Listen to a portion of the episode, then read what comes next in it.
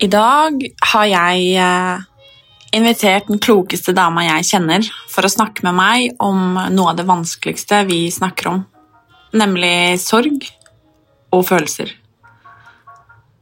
Hun heter Marit, og hun er min gamle lærer. Jeg ble kjent med Marit da jeg gikk på ungdomsskolen, og selv om det var mange som syntes at Marit var litt streng, så har jeg alltid likt henne. Sånn, sånn skikkelig godt. Jeg har alltid syntes at hun har vært så klok, så kunnskapsrik og så fornuftig. Hun har også, så lenge jeg har kjent henne, vært flink til å sette ord på følelser. Jeg har forandra meg. Eller nei, jeg har vokst mye siden hun traff meg første gang.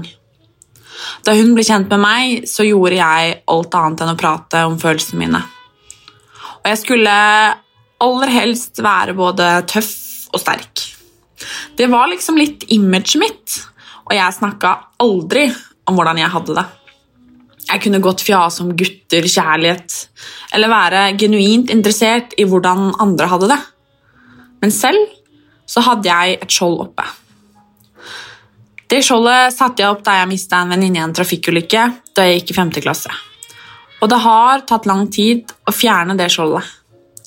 Helt borte blir det kanskje aldri, men Marit lærte meg og oss at det er viktig å prate sammen. At døden ikke er noe vi kan skjerme oss fra. Jeg trenger egentlig ikke å fortelle hvorfor Marit er den klokeste jeg veit om, for det skjønner du snart. Denne episoden er nemlig til oss. Vi som trenger å prate, vi som trenger noen kloke råd, vi som trenger en pust i bakken, og vi som rett og slett bare trenger å høre at det går bra. Ja, så da er den vel kanskje til alle, da. Fra meg og Marit, som forteller hvordan det er når den du elsker, glemmer deg.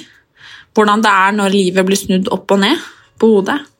Og hvordan livet kan bli ganske så ålreit for det.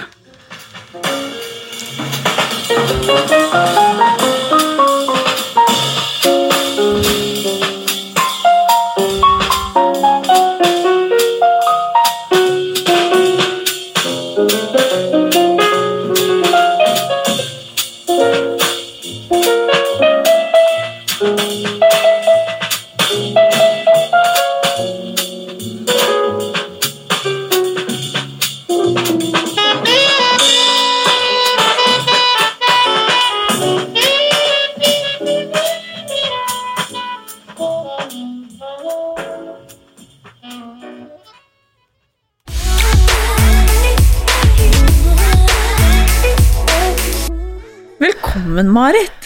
Takk skal du ha. Tenk at du er her på jobb med meg. Ja, det er ganske sterkt. det hadde jeg kanskje aldri trodd. Når du enten sto og kjefta eller lærte bort i på skolen. Ja, tenk på det. Det er noen år siden. Men det er ikke så mange heller. Nei, det, det føles litt ut som et annet liv, da. Ja. Jeg må innrømme det. Men eh, jeg eh, Jeg lærte kanskje mest eh, Altså det jeg har gjort noen gang når jeg gikk på ungdomsskolen. Mm, Det tror jeg faktisk. sier du det? Ja, Så det må du ta med deg. Ja, jeg tar det som eh, er hyggelig da, og, og jeg opplevde jo også at det var en god stemning i de timene vi hadde i klassen, hvor vi på en måte snakket om og tok opp så mange gode temaer som berørte hele tiden. Mm.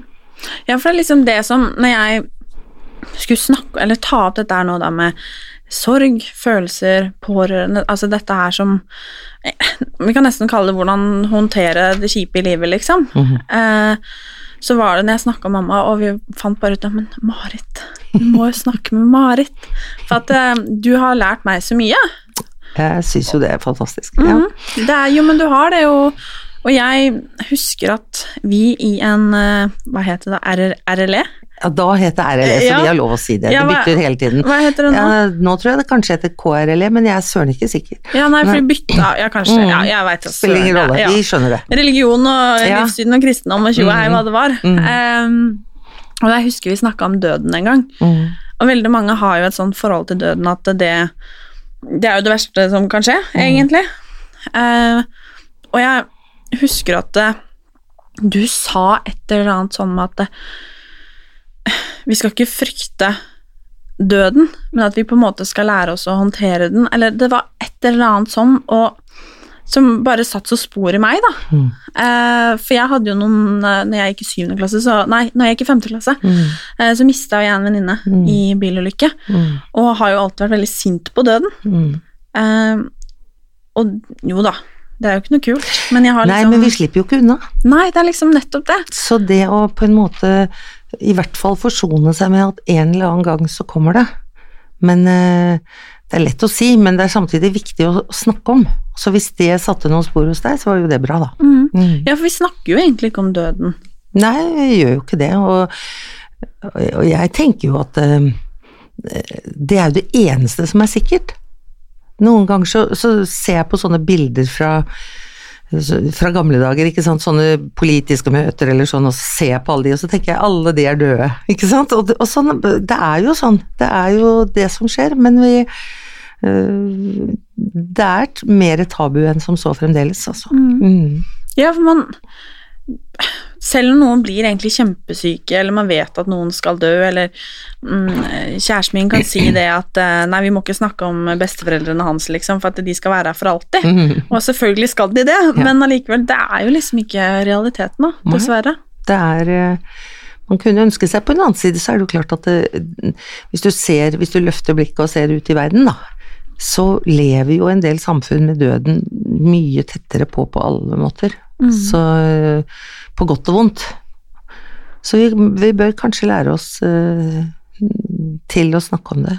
Jeg sa uh, da mannen min ble syk, han har alzheimer, da da sa jeg til noen venner at ja, han har jo fått en dødelig sykdom, og da var det sånn å, er det det?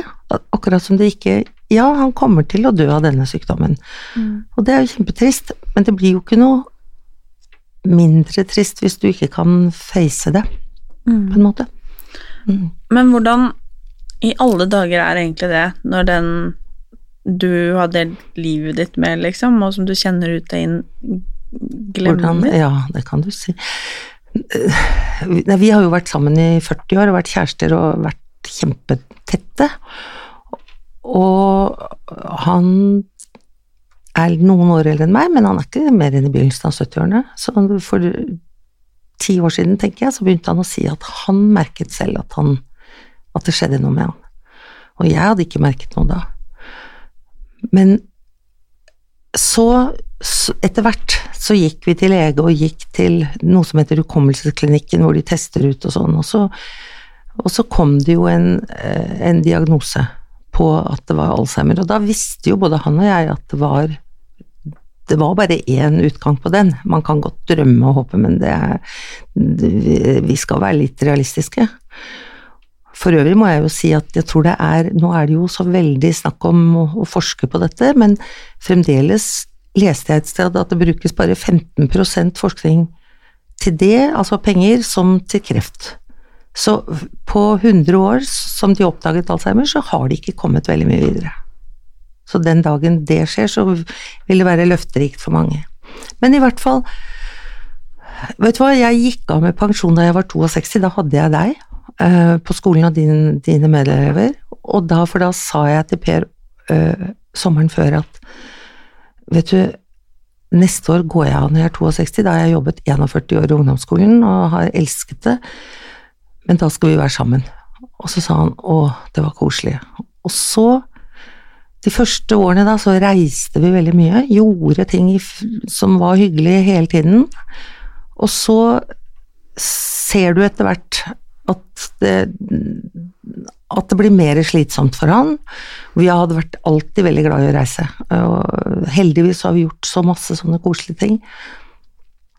Men han øh, Siste gang vi var og reiste, var i mars for halvannet år siden, snart halvannet år siden, og da var vi sammen noen gode venner som kunne støtte og hjelpe og sånn.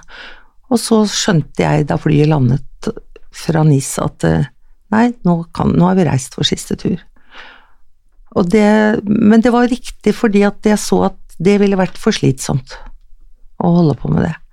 Og så kom han inn på sykehjem i oktober i fjor. Så nå har han vært på sykehjem siden det. Og jeg kan jo ikke få fullrost, for da, da, da fikk ikke jeg til å hjelpe han mer. Og da var det egentlig noen hjelpere som hadde sagt nå må du søke fast plass.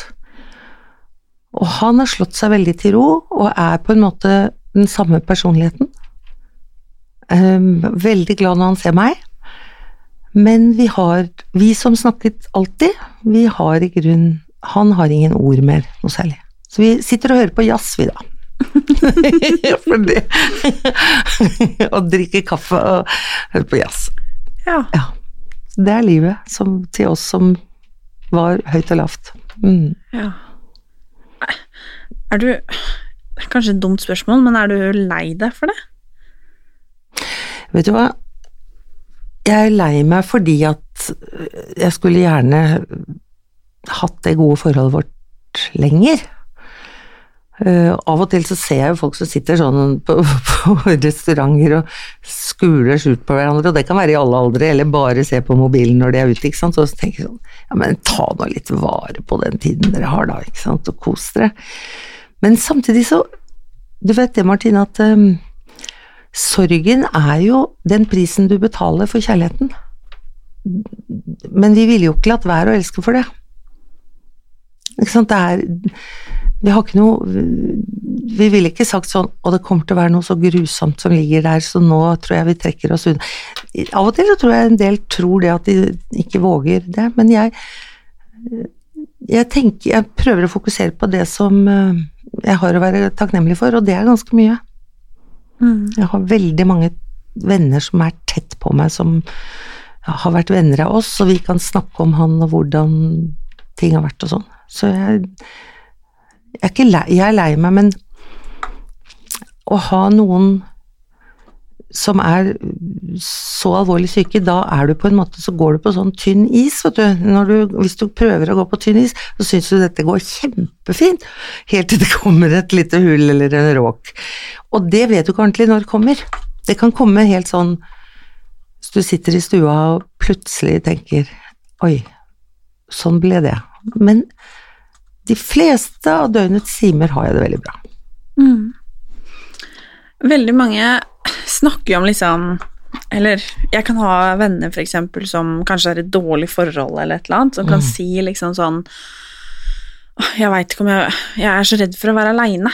Og jeg tror veldig mange kanskje blir værende lenger enn det som kanskje er lurt eller sunt, Mm. fordi at de er redd for å være aleine. Mm. Um, er du redd for å være aleine? Nei, vet du hva? Og det var litt morsomt. Lillesøsteren min, som er ni år yngre enn meg, vi har tett og godt forhold. Og hun sa dette er jo første gang du er alene, Marit, fordi at jeg var jo gift første gang, og da flyttet jeg hjemmefra og giftet meg da jeg var 20 år. Og så gikk jeg rett av gårde da dette gikk i stykker, og så traff Per for 40 år siden, 41. Og da, nå har jeg vært sammen med han der, så jeg var kjempespent på Oi, hvordan er det å komme hjem til huset mitt? Men det syns jeg egentlig er kjempedeilig. Jeg, ja, men det er sånn Oi, nå sitter jeg her, nå kan jeg bestemme øh, veldig Det er ikke det at han bestemte, men du vet, de siste fem årene tok jeg hensyn hele tiden. Og nå var jeg nok kjempesliten av det. Og nå er jeg ikke, jeg er ikke husredd, for det er det jo noen som er. Og jeg har, er ikke redd hvis Jeg bare kjenner at dette er godt. Mhm. Men jeg skjønner hva du mener, for jeg tror av og til så tenker jeg jo også at folk på min alder sikkert kanskje hadde hatt det bedre alene. Tenker ikke du sånn av og til når du ser folk? Jo, men eh, kanskje ikke så ofte om disse gamlingene. Nei, ikke sant. Men det viser seg jo nå, vet du, at eh, nå går den prosenten opp av folk over 60, de skiller seg mer enn de gjorde før. Ja, men jeg tror det er fordi at man liksom snakker om det, nei, man skal være sammen til man er gammel og grå. Mm, mm, Så jeg, og ofte hvis man ser et eldre par, liksom, så tenker man 'å, så flott', ikke sant? Mm, mm. Fordi at de liksom har vært ja, sikkert sammen for alltid, tenker Ja, man, ikke sant? ja. Og så er det jo kanskje ikke nødvendigvis sånn. Nei, det er jo mange som eh, prøver å finne nye og sånn, og holder på og sånn, men, men jeg tenker mer sånn at eh, det, er, det er ikke noen selvfølge, altså det er en Jeg tror du skrev eh, nettopp i, bloggen din dette med å jobbe for forholdet, og det må man jobbe for om du er 22 eller gammel. Så man må ikke slutte med det, Man nei. skal ikke slutte med det! Og det tror jeg kanskje Og man skal ikke ta hverandre for gitt eller noe sånt. Mm. Men eh, du vet, når det er sagt, så tror jeg nok Per og jeg Det var en sykepleier som jeg snakket med i går på avdelingen til Per, etter jeg hadde snakket, vært sammen med han, og hun sa Jeg merker at du har trening i å takle sorg, sa hun. Og det Per og jeg, vi fikk jo en, en sønn som nå er 36 år, som er multihandikappet, og som vi trodde var frisk da han ble født, og så fikk han en veldig sjelden sykdom, han fikk epileptiske kramper og alt sånt, så han er språkløs autist og trenger noen som passer på seg bestandig. Og vi ble veldig tette i den sorgen, og opplevde faktisk at, eh, at det å få lov å Og jeg var så takknemlig for at jeg fikk han med Per. Fordi vi, utfylte hverandre og var eh, så gode på å være tett på det. Men det er klart, det gjør jo at man har hatt litt øvelse i at livet ikke blir som du tror, men det kan bli ålreit for det. Mm. For det er det viktig, vet du. Ja, det, det er sant. Men jeg bare kan se for meg det å være liksom Ja, ha en halvt år gammel baby Mm. eh, som man ja, tror er liksom frisk, og Mm. sikkert forestilt seg at sånn skal livet bli, eller kanskje han skal drive med det, eller Mm. altså dette skal vi gjøre sammen. Mhm. Og så blir livet liksom snudd på hodet. Det var, det var helt sånn uh, uvirkelig. Fordi at du Jeg husker så godt da han ble født, og så skulle vi hjem fra sykehuset, og så undersøkte legen han, og så sa jeg ja, er du sikker på at du ikke har oversett noe? Å nei, han var så super og alt sånt, ikke sant. Og så plutselig så begynte han å sluttet å smile, og sluttet å pludre, og begynte å få sånne rare anfall. Og så tok de meg nok ikke alvorlig på helsestasjonen først, så til slutt så var det full utrykning, og, og han, han har en veldig sjelden sykdom som det fødes fire av i landet. Den heter tuberøs sklerose, hvis noen kjenner noen som har sånn. Eh, og det gjør at han får svulster på kroppen og svulster på hjernen og sånn, men han Sånn som han kan gå, han fungerer, han er blid og fornøyd, han har to mennesker på, til enhver tid som er på seg. Han bor i en enebolig sammen med disse to som bytter på hele tiden, sånn. Og han har et veldig godt liv. Men det, for oss var det jo det var ikke sånn det skulle bli. Nei. Nei. Men du vet Det der med at livet aldri blir som du tror Jeg tror folk har så voldsomme Jeg lurer jo på hvor mye motstandskraft vi gir unge mennesker. Og jeg tenkte av og til så Og ikke til forkleinelse for de som vil undersøke om de får et barn med noe genfeil eller Downs syndrom, men jeg, jeg tenkte av og til så tenkte jeg ja, hvis Anders bare hadde hatt Downs syndrom, så hadde jo folk sett det og visst hva det var og sånn, mens når han er både autist og språkløs og har masse anfall og sånn, så blir jo folk kjempeforvirret på hvordan de skal takle det. Som det er eh, du kan ikke forsikre deg. Man vet jo også for øvrig at jeg hørte akkurat noen i nærheten av der jeg bor som hadde fått en, et barn hvor det var en fødselsskade. En veldig stor fødselsskade. Du kan ikke forsikre deg mot det, selv om du har tatt all verdens blodprøver og passer på at Ikke sant? Så kan det skje noe. Det er livet, det. Tenkte du noen gang at liksom, hvorfor skulle dette skje med meg? Nei, aldri. Nei. Jeg tenkte, og der var Per veldig god også Hvorfor skulle det ikke skje med meg? Jeg tenker sånn For det ser jeg en del sånn Du vet, bitterhet. Det å bli bitre Jeg husker for mange år siden da aids var liksom i startgropa, du hadde ikke funnet noe kur, ingen sånn, så var det en jente som hadde fått øh, vært sammen med en fyr som hadde gitt henne aids, og hun lå og det ble laget et program av henne, og hun lå liksom og skulle dø og var kjempedårlig. Og så spurte de henne er du ikke bitter? Og så sa hun nei, bitterhet er sjelens aids. Og det syns jeg var utrolig sterkt, og det er jo sant. Det eter jo bare deg opp innvendig hvis du går og ser på alle med friske barn og tenker å gud, det skulle vært og Nei, vi må Altså, lykke er sier jeg kanskje en sånn floskel, men lykke er ikke fravær av lidelse. Jeg kan sitte nå og ha, og ha en utrolig god stund sånn, selv om det er mye trist rundt meg. Og det må man lære seg opp til, altså. At hvis du tror at du skal vente til du ikke er lei deg for noen ting, eller ikke bekymra deg for noen ting. Mm. Jeg kan jo av og til tenke litt sånn at hvis jeg har det innmari ålreit, da, Mm. Og er på et sted i livet der jeg liksom trives veldig godt, Mm. så kan jeg nesten ta meg selv i at jeg går og venter på Mm. at noe skal skje. At det nesten kan være sånn øh, Nesten så jeg fortjener ikke å ha det så bra, så nå må noen bli Nå må jeg få en telefon snart om at noe har skjedd, eller altså et eller annet dramatisk må skje, fordi at dette er for godt til å være sant, på en måte. Men du vet, da, Martine, så tenker jeg at du må tro på det ufortjente, både når det gjelder det gode, og når det gjelder det onde. Det er ikke noe Det er bare sånn.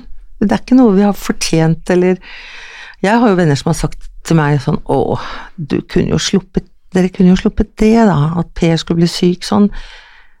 Ja, det er klart vi kunne det. Men Per og jeg har vært veldig mye i Cape Town, for vi har hatt et barnehjem som vi har vært sånn besteforeldre til, nesten, så jeg tror vi har vært der elleve ganger. Og fulgt disse barna oppover. Og når du ser det utgangspunktet som noen barn da har, og som noen mennesker har, ikke sant, så, så skjønner du at vi lever i en liten boble her oppe hvor eh, som er helt annerledes. Så, så hvis du klarer å legge fra deg det da at å, nå må det skje noe, det er ikke sikkert det skjer noen ting. Og du kan i hvert fall ikke gjøre noe med det. Nei, det gjør det sånn. Ja, ja, Det er sant? Det er en fyr som heter Ingvar Wilhelmsen, som er hypokonderlege, kaller han seg på hypokonderklinikken. Og han sier jo det, han prøver å hjelpe folk til akkurat det, for de går og bekymrer seg for alt, og de har ingen kontroll. Så han sier at eh, de må først skjønne at de kan ikke kontrollere døden, eksempel. Mm. Og, og, og fortelle morsomme historier kan virkelig anbefales, eh, hvor han nettopp sier det der at nå, nå må det jo hende noe, nå må det hende Og så sier han, men hvis disse menneskene får det han kaller ordentlig kreft, da, istedenfor å bekymre seg for kreft, så takler de det helt greit. Det er det der å grue seg og grue seg som de ikke takler. Mm. Ja, det var godt. Så du, du får kose deg. Ja, men det Ja, Mhm. Ja. men hmm. Ja. Du har nok rett i det. ja, for det hjelper jo ikke. Nei. Men føler du liksom Nå har du blitt eh, nærmere snart 70? Ja, ikke sant? Om et par år så er jeg Ja. der. Mm. Men føler du liksom at vi snakker så ofte om at vi skal leve et lykkelig liv. Mm. Og i løp, løpet av et liv så skjer det jo ting, på Mhm. godt og på vondt. Mm. Eh, men føler du at du liksom har lev- levd et lykkelig liv? Mm. Jeg har levd et fantastisk liv. Jeg har det, altså. Og jeg og det tenker jeg jo sånn på Og det er det rare nå, vet du, når alt dette har skjedd med Per, og jeg må liksom hver dag forholde meg til det. Jeg går og besøker han to ganger i uken og har det bra med det. Og så gjør jeg andre koselige ting med venner og har ingen dårlig samvittighet for å ikke komme en dag. Men midt oppi det da, så, så tenker jeg Nei, nå, nå har jeg det helt Nå er det verste som kan skje, det har skjedd på en måte som kan skje. Så, altså, så jeg, jeg har det Jeg føler meg veldig fornøyd, altså. Men du vet, lykken er ikke fravær av lidelse, som jeg sa, og det er heller ikke en stasjon du kommer til. Det er en måte å reise på. Det er Det merker jo du sikkert, du treffer masse mennesker, og så tenker du ja, hvorfor er ikke hun fornøyd, da? Eller hvorfor er ikke Han burde jo være lykkelig, eller Og det har egentlig lite med hvordan du objektivt ser på folk. Det er eh, Mm. Så jeg, jeg føler nok at jeg Og jeg vet jo jeg har Du har jo statistisk sett all verdens tid igjen av livet ditt, og jeg har jo ikke det. Men det Det får nå bare være. Og det rare er, jeg ble intervjuet i lokalavisa mi om da Per hadde kommet på pleiehjemmet, fordi jeg var så imponert over pleiehjemmet. Jeg syntes det var så fantastisk å oppleve hvor nære og hvor fine de var og sånn, og da måtte jeg jo si at ja, det er jeg i hvert fall ikke redd for mer. Når folk sier sånn ja, jeg kan bare ikke komme på sykehjem, ja. Nei, vet du hva, hvis jeg er så dårlig at jeg kommer på sykehjem, så vet jeg jeg blir godt ivaretatt. Det kan jo være fint å vite. For det syns jeg er sånn den store, stygge greia, og sykehjem, liksom, det er jeg er kjempeimponert over de som jobber der. De burde hatt fire ganger så høyt betalt. Men jeg hører jo ofte, eller liksom Ikke ofte, men hei, folk kan si sånn Nei, hvis jeg eh, Jeg skal aldri på gamlehjem, eller Nei. nei. hvis jeg noen gang blir så gammel eller jeg blir så dårlig, så kan du bare ikke Skyte sant? meg. Ja, man sier jo egentlig det rett ut. Jeg kan sette en kule på meg, liksom. Kan folk liksom fjåse med, da. Men de gjør jo ikke det. Og så tenker jeg det er veldig nedverdigende sagt, hvis du skjønner jeg mener, mot både må, En ting er de som jobber der, men, men noen ganger så ser jeg Hvis du ser mennesker som unge mennesker da, som sitter i rullestol, som aldri kommer til å reise seg fra den rullestolen, og så skal de på en måte høre at andre sier at de ikke har noe godt liv, eller et eller annet sånt. Altså, vi må bare ta det som kommer, og, og folk skyter seg jo ikke for det, ja, det, kanskje noen gjør det, men, men det, er, det, er, det har mye mer med verdighet å gjøre, tror jeg. Jeg tror det å vi- Altså, hva som er det gode liv. Jeg tenker sånn, det kan være sånn bitte små Til og med i går når jeg satt og holdt Per i hånda og drakk kaffe og hørte på jazz, så fikk jeg sånn streif av Oi, nå hadde vi det godt, og han koste seg og sånn. Og da blir jeg jo kjempetakknemlig for det, da. Mm. Istedenfor å tenke på alt jeg ikke har. For det Mm. Og så tenker jeg på noe annet, og det er hvis man får mennesker rundt seg som og det får vi alle som får noe, så er det utrolig fint når noen kan komme og si men han betød så mye for meg da han var frisk. For Per hadde en lederjobb, og eh, plutselig så kom det en fyr på stranda bort til meg og sa jeg har lyst til å si til deg, Marit, at jeg har lært mer om ledelse av Per enn jeg har gjort noen gang i livet, og jeg kunne snakke en time om det, så det har jeg lyst til å fortelle deg. Istedenfor å tenke nei, jeg gidder ikke det, hvorfor skal ikke jeg, skjønner du, gå bort og si det, det er bare tull. Sånne ting, det skal man aldri la være å si. Mm. Enig. Ja, du er enig. Ja, jeg er det. Jo, Ja. men det er ofte sånn jeg tenker sånn, apropos dette med liksom, når det skjer noe dramatisk da, i Mhm. livene til noen, Mm. så tror jeg man veldig ofte er redd for å si noe feil, ikke Ja. sant? Hvis noen ja, eksempel har mista en de er glad i, Mm. eller blitt alvorlig syk, at man Mm. Jeg tror ofte man lar være å si noe fordi man er redd for å si noe feil. Og man kan i hvert fall prøve å si noe. I begynnelsen når P var syk, så syntes jeg det var vanskelig å si hva jeg skulle si. Men da kunne jeg si takk for at du sier det, men dette klarer jeg ikke å snakke om. Det er helt greit, det er, det er, det er lov det òg. Men da har man i hvert fall fått en åpning, ikke sant. For jeg hadde, det er klart jeg hadde mennesker jeg snakket veldig mye med, også noen som det er veldig rart det med demens, skjønner du, fordi at folk blir så nysgjerrig på en sånn Jeg lurer på hva han får til nå, jeg lurer på Ikke sant? Sånne ting. Og da blir man veldig sånn Og så er det noen som blir veldig redd for å nærme seg. Jeg husker Jeg har lest at folk sier ja, når du, da ser du hvem som er vennene dine når du får noe alvorlig sykdom. Jeg tenker mer da ser du hvem som takler det. Jeg har venner som, som syns det er så tungt at Per har fått demens at de har bare brutt all kontakt. Og det rare er at jeg, er ikke noe, jeg, jeg bare reflekterer over det og tenker ja, men det får ikke de til. De får ikke til, for det, de, de har ikke kontakt med dette i seg, eller hva det er, men ja ja, så får det være sånn, da. Mm. For det er jo ikke alle som klarer Du er jo god til å sette ord på følelser, men det er jo ikke alle som får til det så godt, vet du. Nei. Men jeg lurer på en ting. Oh. Det er kanskje litt dramatisk å spørre om, da. Men jeg lurer oppriktig. nå er jeg ikke noe spent. Nei. Nei, Men er du liksom redd for å dø? Du? Nei jeg, Da jeg var liten var jeg det. Ja. Veldig sånn Og ganske ung var jeg også sånn Vet du hva? Du vet, både Per og jeg har en gudstro.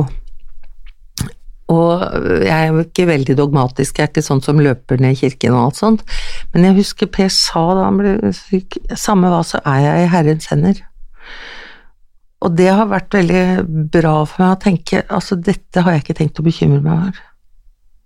Og, og, fordi at det, det med min, og, og folk som ikke har en gudstro kan tenke det samme, for de kan tenke ja, men dette her, det bare ordner seg. Men jeg er ikke noe redd for hva som kommer etter og sånn, for det har jeg ikke noe med. Men var jo ikke det. Nei, det veit vi ikke noe om. Det veit vi ingenting om, verken vi som tror på noe Men, men tror du at vi bekymrer oss for mye? Ja. Ja. Og vet du hva?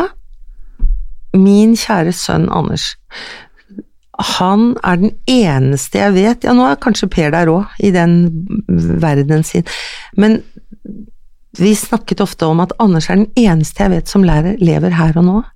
Fordi vi andre, enten lever vi i fortiden, og liksom herregud, hvordan kunne jeg gjøre det, eller sånn, ikke sant. Eller så lever vi framover og gruer oss til noe, eller bekymrer oss for noe sånt. Mens Anders, han er sånn som Jeg husker da, jeg, da han var på alder med Da han var 16-17 og, og jeg underviste på skolen, da, så kunne jeg si han er sånn som setter seg ned på veien da, hvis han plutselig Og da sa elevene mine Er det gærent? Tenk på For veldig mye styrer seg hva andre tror, hva andre syns om oss, og hvordan er vi nå? Så, så det er Bekymringer, ja. Og du vet, da kan jeg sitere Skriften, jeg. Nå er det en som siterer Skriften. Vet du hva som er så fint? Og jeg aner ikke hvor det står igjen. men Det står Ingen kan med all sin bekymring legge en meter til sin livslengde. Det er, det er Ikke sant? Ja. Samme hvor mye vi bekymrer oss, det spiller ingen rolle, altså. Livet vårt blir så langt som det skal bli, hvis vi ikke da gjør noe med det, da. Og folk som blir fortvilt og ikke klarer å leve lenger. Men, men vi andre, om jeg bekymrer meg Men det kanskje man må bli gammel for, å mene. bekymrer du deg mye? Jeg satt og tenkte på det nå, når du Ja, sa det, ja. om jeg liksom bekymrer meg mye. Mm. Akkurat nå er jeg jo på liksom, kall det et godt sted, da, Mm. der jeg trives veldig godt. Mm. Um, så nå drømmer jeg nok mer enn jeg bekymrer meg. Mm. Men jeg har Jeg pleier å si det at jeg egentlig ikke fikk det liksom ordentlig bra før jeg skulle bli voksen, Nei. liksom. Jeg syntes det var vanskelig å være eh, ungdom, da. Og Mm. skulle liksom finne min plass, og så var, følte jeg ofte at det var en forventning til hvordan jeg skulle være, Mm. og, og ehm, jeg husker faktisk det, at når jeg gikk på ungdomsskolen Mm. Apropos dette med døden, og jeg er redd for døden, så husker jeg tenkte Og det var ikke noe sånn dramatisk i det at det var noe jeg ville skulle skje, men jeg husker jeg tenkte eksempel hvis jeg satt på skolebussen, Mm. så kunne jeg tenke sånn at eh, eh, hvis bussen hvelver nå, Mm. så gjør ikke det noe. Eller hvis, hvis, hvis det skjer noe nå, eller hvis det Ja, ja, samme det, liksom. Altså, Du var helt sånn likegyldig til Ja, at jeg hadde veldig sånn um, Og jeg vet ikke hvor det kom fra, men jeg har nok bekymra meg mye. mm. Det tror jeg. Og jeg bekymrer meg nok nå også. Men jeg Mm. tror mye av den bekymringa mi handler mye om min egen samvittighet. Du vet det, Martine, at um, det aller Det husker jeg det var en som var professor eller overlege på, men, på Modum Bads, der hvor de uh, virkelig gjør det bra med folk som har psykiske problemer, som sa i et foredrag som jeg hørte en gang Menneskets største problem er at de ikke kan tilgi seg sjøl. Det er nesten utrolig hvordan vi på en måte kverner om igjen og om igjen på det. Og det, hvis man klarer å legge det fra seg Jeg ble skilt da jeg var 26 år, og hadde en jente på halvannet år, kan tro jeg, det var vellykka. Og da holdt jeg på, holdt jeg på i lang tid, og måtte legge det fra meg og tenkte men du har gjort så godt du kunne, dette får være bra nok. Så ja, Mm. Jeg har tenkt mye på det der, for vi, alle, vi stiller jo alltid folk spørsmål. ikke sant? Hvordan har du det? Hvordan går det? Mm. Eh, hva vil du? Hva skal du? Hva drømmer du om? ikke sant? Mm. Og jeg har liksom Eller prøver, da. Mm. For jeg har ikke kommet dit helt ennå, men jeg prøver å liksom stille meg selv de samme spørsmålene. Mm. Tenk om vi hadde brukt like mye tid på å stille oss selv disse spørsmålene Mm. som vi bruker på å stille alle andre. Mm. Eksempel hvis man har det kjipt, da. Mm. Så skal man liksom stille opp for en god venn, eksempel. Og hjelpe til. Mm. Og når det gjelder en selv, så ja, er i hvert fall ikke jeg god nok til det. Nei, og samtidig som Jeg tror jo at det, det du opplevde på ungdomsskolen, og så vanskelig, har gitt deg motstandskraft til å være den du er nå. Jeg husker jeg sa jeg jobber veldig mye med mobbing, jeg vet ikke om du, på, altså folk som ble mobbet og jobbet veldig mye med det. Jeg tror det kom av at jeg sjøl måtte bytte skole fordi jeg ble mobbet sånn. Og så at jeg endret atferd, da var jeg 12-13 år. Og heldigvis ble flyttet over til en annen skole som det var løsningen for meg. Men jeg er helt overbevist om at det har jeg brukt hele tiden i livet. Men hvis noen hadde sagt til meg ja, men Mai, dette skjønner du, dette kommer du til å bruke. Det er litt det samme med deg. Altså, jeg er helt sikker på at du hadde ikke vært der du er hvis du hadde glidd glatt gjennom ungdomstida. Er du enig med meg i det? Helt klart. Ja. Jeg har lært veldig, veldig mye av det. Mm. Men tror du det er sånn liksom at det som skjer i livet at man, For man tenker jo ofte det at Ja, som vi snakka om, da. Mm. Hvorfor skjer dette her med meg? Hvorfor liksom Og noen får jo en hel haug, Ja. mens andre får en mindre haug. Jo, men syns ikke du av og til Jeg tenker sånn at hvis jeg snakker med mennesker som ikke har hatt noe trøbbel i livet sitt, det er ganske flatt, altså. Du har rett. Ja, det er Jeg, jeg liker jo på en måte folk som som kan komme meg i møte med sånne ting. Jeg skal si deg, Per og jeg, vi ledet den foreldreforeningen for den sykdommen til Anders, og vi, den førte oss ut på internasjonale foreldreforeninger og sånn. Og vi har Noen av mine aller beste venner har jeg fremdeles fordi vi hadde det felles at vi hadde et multifunksjonshemmet barn med en sjelden sykdom. Og av og til så satt vi da og skålte for disse barna som hadde brakt oss sammen. Men det er jo helt sykt, ikke sant?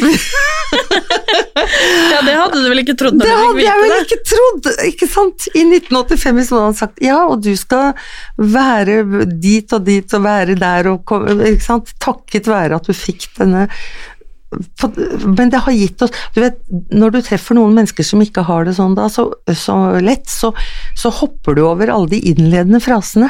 Mm. Du går bare rett på hvordan sjela di har det. Det er ganske fint, Mm. tenker jeg. Enig. Ja, det er jo det. Ja. Men det, det, det blir ikke så da, Det blir ikke sånn masse 'hva jobber du med', og hvordan og ikke sant? Nei, godt er det, for det, Ja. jeg er ikke noe god på det der. Mm. Nå Ja. som jeg er pensjonist, så er jeg jo bare pensjonist, ikke sant. Så det, mm.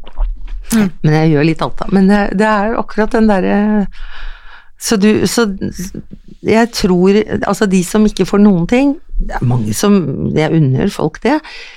Men du får ikke bryna deg noe heller, vet du. Du får ikke kjenne på Og du vet eh, Savn Det har jeg jo også det med sorg og savn Jeg husker Anders var fem år, satt i baksetet på bilen min, og så var det en varm sommerdag, og hvis, hvis noen hadde sagt til meg fem minutter tidligere 'Hvordan har du det nå?' så hadde jeg sagt ja, ja, det går greit, og sånn. Og så plutselig så stoppet jeg ved en butikk, og så satt det en bil med noen ved siden av som hørte på lydbok, to barn på hans alder. Og Anders skjønner ikke hva folk sier og sånne ting, ikke sant. Og plutselig, da kom sorgen, vet du, så tenkte jeg han får aldri høre på lydbok, han. Og så begynte jeg å grine da veldig på det, og jeg tror at det er viktig når sånne ting kommer. Og så bare kjenne på det. Ja vel, så vær i det da. Og tenk ja, nå, det var kjempetrist, og så kommer du da opp igjen. Men hvis noen hadde sagt det fem minutter før at du, jeg kom til å sitte og grine for det Altså, det er, det er en sånn Det med sorg er en permanent sorg. Den må man bare ta som den kommer. Mm. Tror du det er bra at vi ikke vet hva som kommer? Ja. Tror du? Ja. Eller på en måte så kan man tenke sånn å, for Man kan jo drømme om ikke sant? Å, jeg håper livet mitt ser sånn og sånn ut om ti år, liksom. Men samtidig så er det jo kanskje, kanskje greit at ikke vi vet. Altså Hvis noen hadde sagt til meg at vi skulle ha 18 18 år med nattevåk fordi han hadde epilepsi og full jobb begge to. Han hadde epilepsi hver natt. Så, han, så hadde jo jeg selvfølgelig sagt Altså, jeg hadde en kollega som hadde ett år med nattevåk før jeg fikk Anders, og jeg tenkte gud, ett år med nattevåk. Og så bodde Anders hjemme til han var 18 år, og vi hadde litt avlastning men hvis noen hadde sagt at du skal kjøre 18 år med nattevåk, så, så er jeg glad ingen sa det. Ja. det kan jeg kanskje forstå. Mm. Veldig. Så det Ja. Ja. Men du har jo um, jobba i skolen i Hvor mange år, sa du? 41. 41 år. Mhm. Mm. Og Det er en stund. Mm. Wow. Hvorfor ville du begynne, begynne med det i utgangspunktet? Jeg har alltid ønsket å undervise. Jeg har alltid ønsket å være lærer. Eh, Fra jeg var ganske liten. Jeg tror Vet du hva, jeg, jeg, hvis du tenker meningen med livet, så tror jeg For meg er meningen med livet ikke noe voldsomt religiøst. Meningen med livet er å gjøre en forskjell. Og jeg ønsket å gjøre en forskjell. Jeg var, jeg var sånn Jeg vil gjøre en forskjell for mennesker. Og det, når jeg får tilbakemelding på at jeg har gjort det, så tenker jeg da har jeg ikke levd forgjeves. fordi at det er jo eh, Og så syns jeg det er forferdelig morsomt. Du vet jo at jeg likte jo Altså, jeg er kjempestreng, men jeg er ganske varm samtidig. Og det er en god Jeg visste alltid at det var jeg som skulle få ro i klasserommet. Jeg var jo aldri Jeg var ikke bekymret Han lurte ikke på den når du kom. Han Lurte ikke sånn, ok. Og så, så syns jeg jeg hadde mye energi til å kunne gi til, til folk. Og så vet jeg jo at hvis ikke læreren har manuset på det som skjer, så er det de som bråker eller lager uro som har det. Mm. Men du har jo jobba med en ganske sårbar alder, Mm. og en viktig alder, og en alder der det skjer veldig mye. Mm. Så du har jo helt sikkert både sett og lært og Mm. opplevd mye gjennom det vi egentlig sitter her og prater om også, i Mm. jobben din, annet enn å bare undervise i det eller det, liksom. Ja, og jeg hadde jo Jeg var jo sosiallærer i mange år, og fikk mange skjebner inn, og så var jeg jo inspektør i mange år etterpå, og hvor jeg også måtte ta tak i ting som som var vanskelig, og jeg, jeg har jo lest sant, hvordan du har fortalt om ting i ungdomsskolen, og jeg tenker at kanskje vi skulle sett mer av det, kanskje vi ikke så det, ikke sant, sånne ting, men jeg eh, jeg opplever nok at det er Når ungene eller elevene eller tenåringene eller hva som helst kommer på skolen, så, så har de så ulik bagasje med seg. Og eh, som lærer så får du ikke sett alt, men du kan se en del. Og så kan du gjøre så, så godt du kan, men det er klart det er mange tragedier, altså. Ja, det er, For meg. ja, det er jo det. Ja. Mm. Har du noen gang følt deg liksom fortvila for at du ikke har fått gjort eller hjulpet nok? Fordi det ikke har vært mulighet til det, på en måte? Ja, fordi at du vet, skolen har mulighet i en viss grad, men eksempel barnevernet har mye større handlingsrom enn det skolen har. Og jeg må jo si at jeg har holdt kurs for, for mange år siden for samarbeid skole og barnevern, hvor jeg måtte si til de i barnevernet at dere som jobber i barnevernet, dere ser så mye trist hele tiden. Mens vi ser den normalfordelingen, sånn at når vi tenker dette er alvorlig, så vil de ofte som jobber i barnevern tenke nei, men vi har mange saker som er enda mer alvorlig, så det blir ikke Så jeg tror de opparbeider seg av og til en toleranse for folks nød, og det tror jeg de må, fordi jeg tror det er så mye Men jeg føler at da jeg var helt ung, så kunne jeg ta med meg elever hjem som bare liksom sov over fordi de hadde det så fælt hjemme og sånn, og det måtte jeg jo sette en grense for meg sjøl på. Det, det var ikke sånn, men jeg, det er jo Det er eh, Det er mange man skulle ha hjulpet, mange flere. Men du vet Ingen kan gjøre alt, men alle kan gjøre litt. Så det er jo sånn jeg har tenkt, da. Mm. Mhm. Og det veit jeg at du har klart. Ja, det er hyggelig at du sier. Ja. Ja, men det er jeg glad for, og det er jeg takknemlig for at jeg har fått lov til det, og så at jeg har gleda meg til å gå på jobb hver dag. Mm. For det Jeg syns ikke elevene fortjener lærere som ikke gleder seg til å gå på jobb. Jeg er faktisk veldig enig. Ja, du er det. Mm. Du Man merker hvilke lærere som eh, koser seg, og hvem som ikke gjør det. Let's face it. Ja, jeg er enig. Og det har så mange ganger elevene sagt at så kommer lærere inn altså er sure før de kommer inn. Akkurat som det er elevenes skyld. Og det husker jeg tenkte alltid at nei, dette, de har ikke bestemt at de skal være her engang. Vi har betalt for dette. Vi får stå på. Det er sant. Jeg tror det. Men jeg lurer Hvis det er noen som lytter nå, som står på en måte Eller syns livet er litt trått da, mm. akkurat nå, Ja. at de liksom Ja, kanskje lurer på hvordan alle dager skal jeg komme meg gjennom denne kjærlighetssorgen, eller ja, dette dødsfallet, Altså et eller annet, eller om det bare er, rett og slett er en dårlig dag.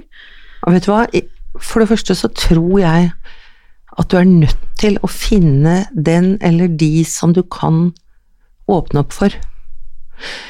Da Per ble veldig syk og, og jeg sluttet å jobbe og sånn, så tenkte jeg jeg kan ikke jeg kan ikke la vennene mine måtte ta alt. De kan ta en del, men jeg kan ikke bli sånn som snakker igjen og igjen. Så jeg fant et, en som var eller er psykiater, som jeg hadde tillit til, sa til henne kan vi ta noen samtaler. For da fikk jeg liksom tømt meg der, og hun var god til å gi tilbakemelding.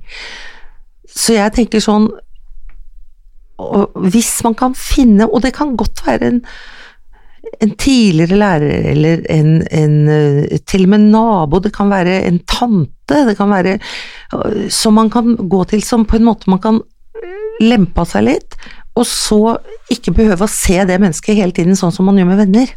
Jeg vet ikke, men jeg føler på en måte at jeg har noen venner, men jeg er også ganske som, som jeg kan snakke med om alt mulig i forhold til livet mitt sånn. Men jeg er jo også opptatt av at vi skal ha det mest hyggelig, mest morsomt.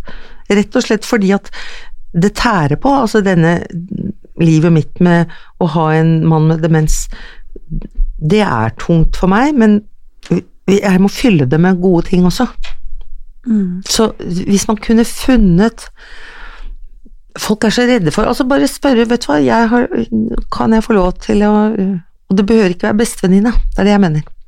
Det er ikke alltid Det er lurt, at det kan hende at bestevenninna ikke klarer å si deg imot til meg. Det er sant. Ja, ikke sant? Mm. Det Bare, du vil jo ikke ha noen som bare er enig hele tiden. Du vil ha noen som, sånn som jeg ville ha noen som sa ja, men dette er sikkert ikke så lurt, og dette, den måten du tenker på nå, og som fikk inn noe nytt. Mm. Det kan være psykolog, men det behøver ikke være det. Det kan være jeg, jeg tror veldig mange mennesker har møtt sånne som de, når de tenker tilbake, tenker jeg. Og så er man så redd da, vet du, for da tenker man nei, vet du hva, hvis jeg spør jeg, Kanskje jeg ikke har kjent det, kanskje, kanskje hun ikke husker meg, kanskje eh, sånne ting. At, så tenker jeg at Tenk sånn, hvordan ville jeg følt hvis noen hadde bedt meg om hjelp? De aller fleste mennesker Det er jo et kompliment! Det er jo Jøss, har jeg satt sånne spor at noen har lyst til å drøfte noe vanskelig med meg? Du må jo tenke at da ville andre synes det òg. Du er jo ikke så mye bedre enn andre. Altså det, Nei, det er rart med det. ja. Nei, men akkurat det der å å- En eller annen bare si, vet du, jeg tror du er et klokt menneske, jeg har lyst til å snakke litt med deg om det. Og særlig da øh, mennesker som ikke bare er enig med deg. Mm. Vet ikke om det, Det gir mening, det. det gir mening. Mm. Mm. Har du hatt et motto i livet, liksom, som du har forfulgt noen gang? Et, sånn, et eller annet eh, klisjéaktig, Litt liksom? klisjé har jeg nok det. Jeg har, livet blir aldri som du tror, men det kan bli ålreit for det. Mm. Jeg tror jeg har levd til fulle. Men det gjelder jo litt om alle, da. Man kan godt forestille seg, men uansett, så Mhm. Ja. Ja, men det er Det er viktig å Jeg tror gapet mellom forventninger og sånn livet blir, det er der det rommet ligger som gjør at du blir fortvila eller lykkelig. mm. Hvis du ikke har så voldsomme forventninger hele tiden, du kan godt ha det til et eller annet, ikke sant, men øh, ro det ned litt på det, for da da tenker jeg at da blir det det blir, Da blir det ikke som du tror, men det kan bli ålreit for det. Jeg, jeg føler at jeg er så takknemlig. Jeg tenker ofte på alle menneskene som jeg møter som gir meg mening, altså. Mm. Og det er, det er ikke få. Er du glad for at livet blei som det blei? Ja. Og det er det rare. Ja, jeg skulle kanskje ønske at Per ikke hadde fått dette sånn og sånn, det skulle jeg jo selvfølgelig, men, men jeg er veldig glad for at jeg har hatt et, og har et godt liv, og har Og fremdeles har et godt liv. For det tenker jeg jo òg, at jeg jeg er helt sikker på at Per ville ikke synes at det var noe særlig at jeg bare satt og gråt fordi han har blitt syk. Og nå er han i en fase av sykdommen hvor, hvor han på en måte Bare noen er gode og passer på han og sånn, så har han det bra. Og det er jo helt uh, grusomt at det skulle bli sånn.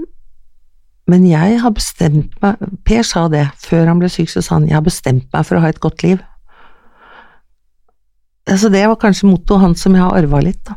Mm. Til og med Han han syns nok at han har hatt eh, så mange ting som har gjort han uh, tilfreds, at nå er han en ganske gammel mann. Og så ser jeg at mange venner som jeg har som er like gamle som meg, spreke og uh, gjør alt og sånn. Men han hadde bestemt seg for å ha et godt liv, og nå må jeg følge opp det. Tusen takk for at uh, du ville komme og prate med meg. Takk for at jeg fikk lov å komme. Det var veldig fint, og takk for alt du har lært meg. Du verden. Takk skal du ha, Martine.